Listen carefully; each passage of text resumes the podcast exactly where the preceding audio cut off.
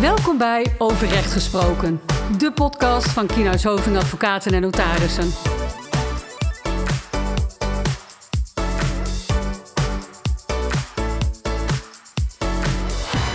Welkom bij deze nieuwe podcastaflevering van de serie Overrecht Gesproken. Ik zit hier aan tafel met Erik Hollander en mijn naam is Imke Linsen. En we zullen vandaag eh, een nieuwe podcastaflevering opnemen. Ja, daar zitten we weer, Erik. Ja, en ehm, er is wel wat veranderd sinds eh, de vorige keer dat we samen een eh, podcast eh, opnamen. Want in tegenstelling tot de, de laatste keer ben jij nu dokter. Ja, hoe cool. Ja, precies. Linsen. Hoe, hoe voelt dat? Heel anders. Een hele andere wereld gaat voor mij open. Nee, zonder flauwekul. Ik ben inderdaad op 31 mei gepromoveerd. Eindelijk. Het was een lang traject en ik ben blij dat het er nu op zit. Mhm. Ja, dat snap ik. Want, want, want eh, hoeveel jaar heb je uiteindelijk ben je ermee aan de slag geweest? Of is dit een hele pijnlijke vraag? eh? Ik weet niet of ik dat hier eh, in deze podcast durf te zeggen. Maar in die tijd heb je natuurlijk ook niet alleen maar dat gedaan. Hè? Dat Nee, dat is natuurlijk wel bij gezegd worden. Ik heb ook veel onderwijs gegeven op de universiteit. Maar goed, daar gaat het nu niet over. Nee. We hebben, ja, het was een mooie dag, 31 mei. En inderdaad, inmiddels mag ik DR voor mijn naam zetten. Heel goed, heel goed. Maar ook daar gaan we het vandaag niet over hebben. We gaan het eh, opnieuw hebben over het onderwerp grensoverschrijdend gedrag op de werkvloer. We hebben hier samen eerder een podcast over opgenomen. En vandaag gaan we daar een update op geven. Eh, want tijdens die eerdere podcast, misschien heb je hem beluisterd, eh, spraken wij over een conclusie van de advocaat-generaal. Dat is een soort van advies aan de Hoge Raad. Ehm, en inmiddels hebben wij het oordeel van de Hoge Raad ehm, naar aanleiding van die conclusie. Even kort, even terugblikken. Waar, waar ging het destijds om? Wat was de vraag die centraal stond? Nou, het ging om de vraag of iemand, eh, een persoon die is ontslagen vanwege grensoverschrijdend gedrag op de werkvloer, recht heeft op een transitievergoeding. Nou, het uitgangspunt is dat iedereen recht heeft op zo'n transitievergoeding. En er is één uitzondering, en de wetgever heeft dat destijds genoemd als een soort van muizengaatje. En dat is als de werknemer ernstig verwijtbaar heeft gehandeld. En de vraag die voorlag was dus, is, eh, heeft of iemand die ernstig, of nee, eh, grensoverschrijdend gedrag heeft vertoond, handelt die per definitie ernstig verwijtbaar? Ja, als het ook specifiek in een afhankelijkheidsrelatie Ja. plaatsvindt, hè, zoals ook hier. Ja, goed dat je dat even aanvult, inderdaad. Nou, een advocaat-generaal heeft dat standpunt verdedigd. Die heeft dus gezegd, inderdaad, als iemand zich seksueel grensoverschrijdend gedrag eh, vertoont in een afhankelijkheidsrelatie, dan is dat in beginsel per definitie ernstig verwijtbaar en heeft die persoon, die werknemer, dus geen recht op een transitievergoeding. Nou, inmiddels hebben we het oordeel van de Hoge Raad en daar zullen we zo met elkaar over gaan spreken. En naar aanleiding daarvan geven wij natuurlijk ook eh, praktische tips, zoals jullie dat zijn gewend van ons. Maar voordat we dat doen, Erik, lijkt het me goed als wij nog even die feiten schetsen uit die eh, zaak die voorlag. Ja, precies, want er is altijd een, eh, een zaak waar het om gaat. En ehm, hier, eh, het ging om een docent bewegingsleer op een toneelschool. En eh, hij was er ook al heel lang eh, werkzaam voor, 20 jaar. En er zijn uiteindelijk twee incidenten geweest. En de ene werd de zogenaamde beeldtik genoemd. En toen wat hij gedaan zou hebben, of was dat hij een studenten had aangeraakt op de billen. En daarbij had gezegd van, nou, dat had ik altijd al willen doen. En hij had een andere studenten een eh, volledige lichaamsmassage gegeven tijdens een massageles. Nou, en zo'n massageles is op zich gezien wat hij doseerde niet ongebruikelijk. Eh, maar goed, in ieder geval het feit, eh, deze studenten die heeft daar wel over geklaagd, want die vond dat helemaal niet prettig, dat zij eh, ja, die lichaamsmassage zo van hem kreeg. Want misschien was die massage op zichzelf was niet ongebruikelijk, maar misschien was het niet eh, de plekken waarop hij masseerde. Precies, ja, want hij, het hij, om, Ja. want hij eh, deed Hij nam- schijnbaar een volledige lichaamsmassage. Volledig wel heel letterlijk. wel- ja, precies. Eh, het, eh, precies. Nou, en ehm, nou, hij is dus ook vanwege die, die twee eh, gevallen is hij dus ook ontslagen. Althans, de, de toneelschool wilde eh, hem ontslaan en heeft de rechten verzocht om de ar- arbeidsovereenkomst te ontbinden. Dat is ook gebeurd. En in principe alle rechters die hebben geoordeeld en dus ook het laatste hof hebben ook allemaal gezegd van ja, hè, eh, deze meneer eh, die de, de arbeidsovereenkomst kan worden ontbonden. Het ontslag is gerechtvaardigd. Ehm, en dat is dus ook vanwege dit gedrag. Dus, de, hè, dus, het- dus er was een einde aangekomen vanwege het verwijtbare gedrag. wat zag op die Ja. incidenten. En Nou, misschien om te benadrukken dat hier ook die afhankelijkheidsrelatie heel goed zichtbaar was. Hè? Ja, Docent precies. ten opzichte van een leerling. Ja, Ja. exact. En, ehm, nou, en dan gaat het dus ook altijd om de vraag: is er dan recht op een transitievergoeding? en daarvan zei dus het Hof dat die docent wel recht had op een transitievergoeding. Wat, want zoals jij dan net ook al schetste, alleen als er sprake is van ernstig verwijtbaar gedrag.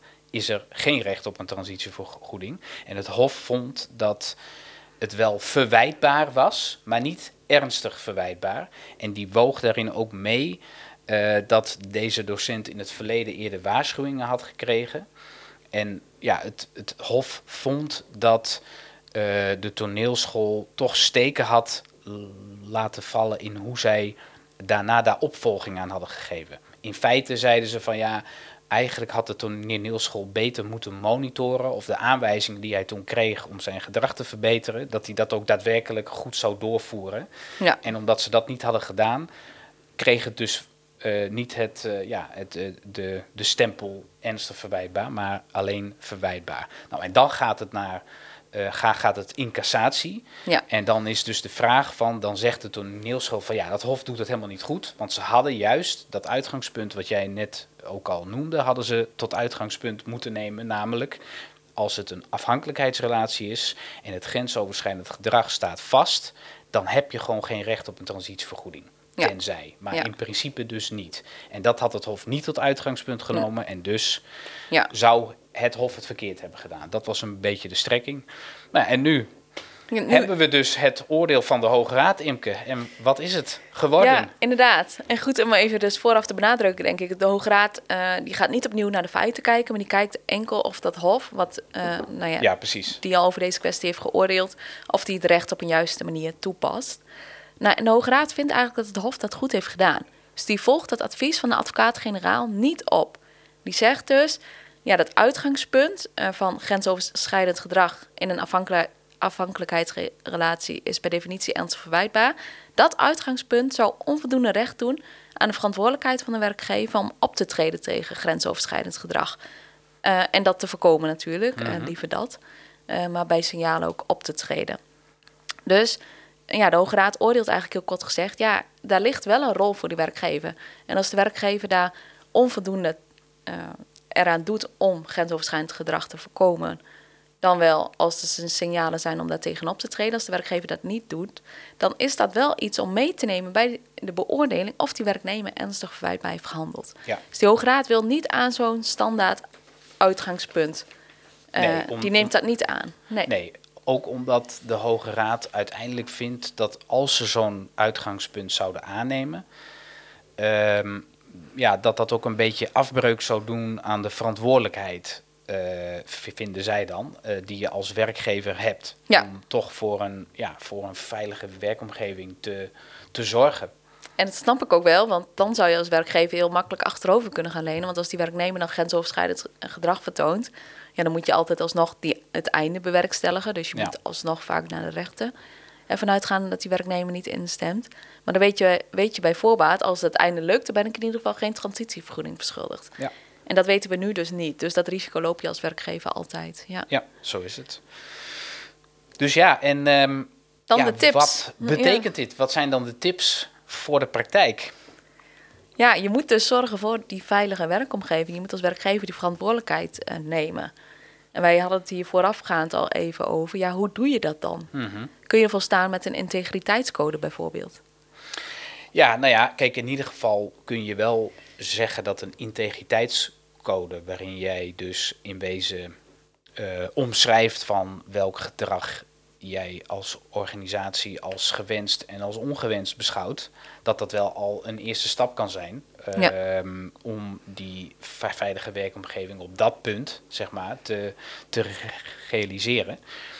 Ehm, maar ja, je kunt ook denken aan een eh, klachtenregeling. Hè, dus ehm, dat als er klachten zijn, dat iemand daar ook terecht kan om die klachten te, te uiten. Dat daar een speciaal ja, loket voor is. Ja. En een vertrouwenspersoon.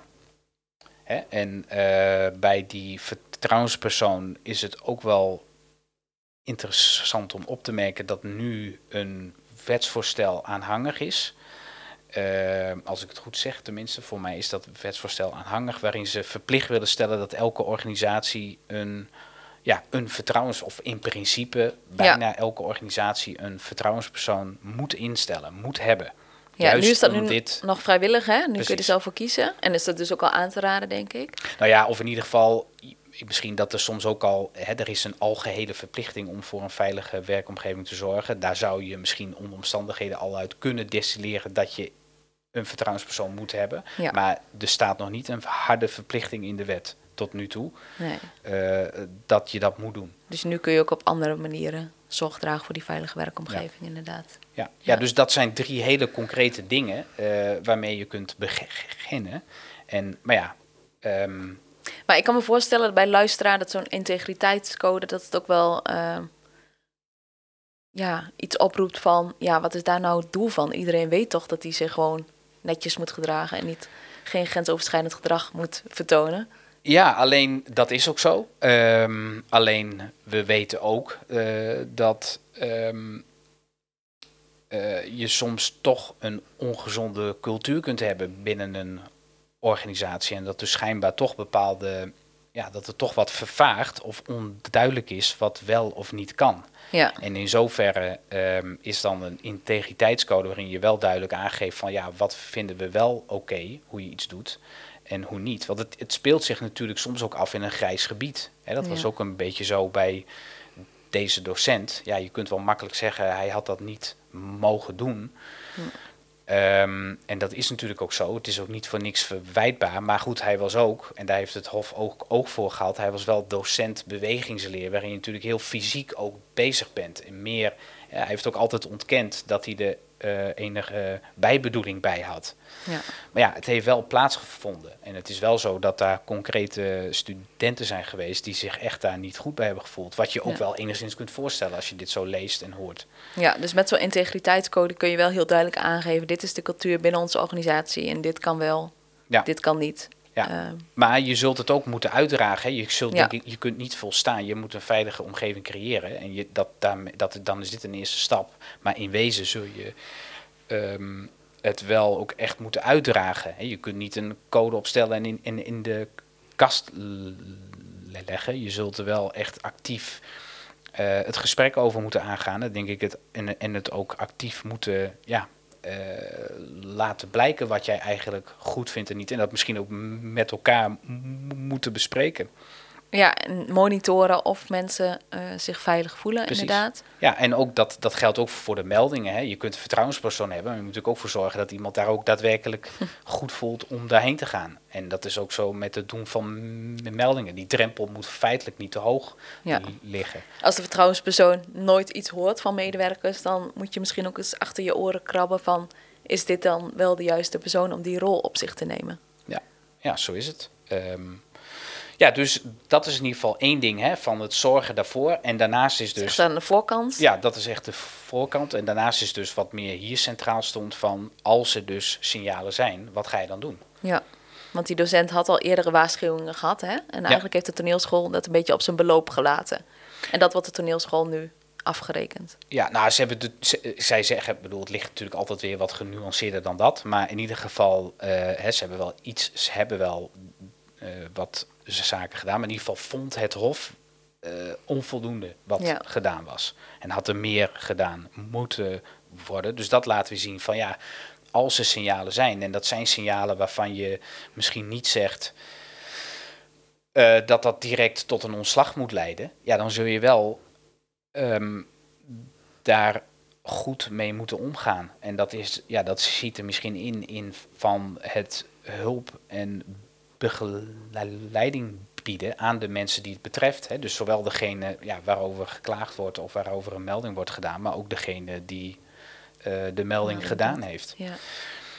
En eh, ja, dan moet daar misschien een vorm van bemiddeling plaatsvinden. Maar ook dat als je iemand laat zitten en je geeft hem aanwijzingen eh, hoe die zich moet gedragen, dat je dat ook inderdaad monitort. Dat iemand zich ook, hè, want dat was met name hier dan het probleem, dat iemand eh, ja, zich daadwerkelijk gedraagt zoals jij vindt dat hij zich behoort te gedragen.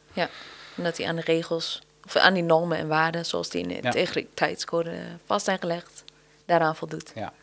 Maar ja, wat jij ook al terecht zei, hè, van het blijft iets, het, het heeft iets ingewikkelds. Hè, van waar denk ik toch wel van, hè, we stellen vast, zoals ook hier, van iemand heeft foutief gehandeld. Hè, iemand is verwijtbaar geweest.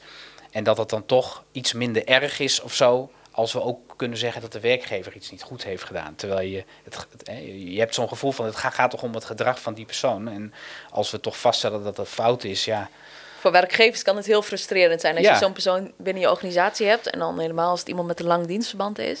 eh, van wie de transitievergoeding. eh nou ja, nee, maar ligt. goed, maar Ja. van, van eh, jij, eh, ze zijn namelijk ook van, ja, wa- waarom zou je een integriteitscode moeten nemen? Want je weet toch al wat wel en niet kan. Dus Ja, dan ja, hoop ik dan dat mensen die tenminste, normen en dat hoop je, ja. waarden Nee, maar dat, kennen. dat, dat, dat snap ik ook. Van, ehm, ehm, maar goed, we hebben het hiermee te doen. We hebben het er gewoon, eh, en, en dat dit wel meespeelt. Hè? Dus dat je wel, dat het, hoe jij als organisatie hebt gehandeld, dat dat wel van be- belang is voor de vraag, eh, in ieder geval voor de vraag dus van of het ernstig verwijtbaar is of niet. En of jij als werkgever een transitievergoeding moet betalen in Ja. zo'n geval.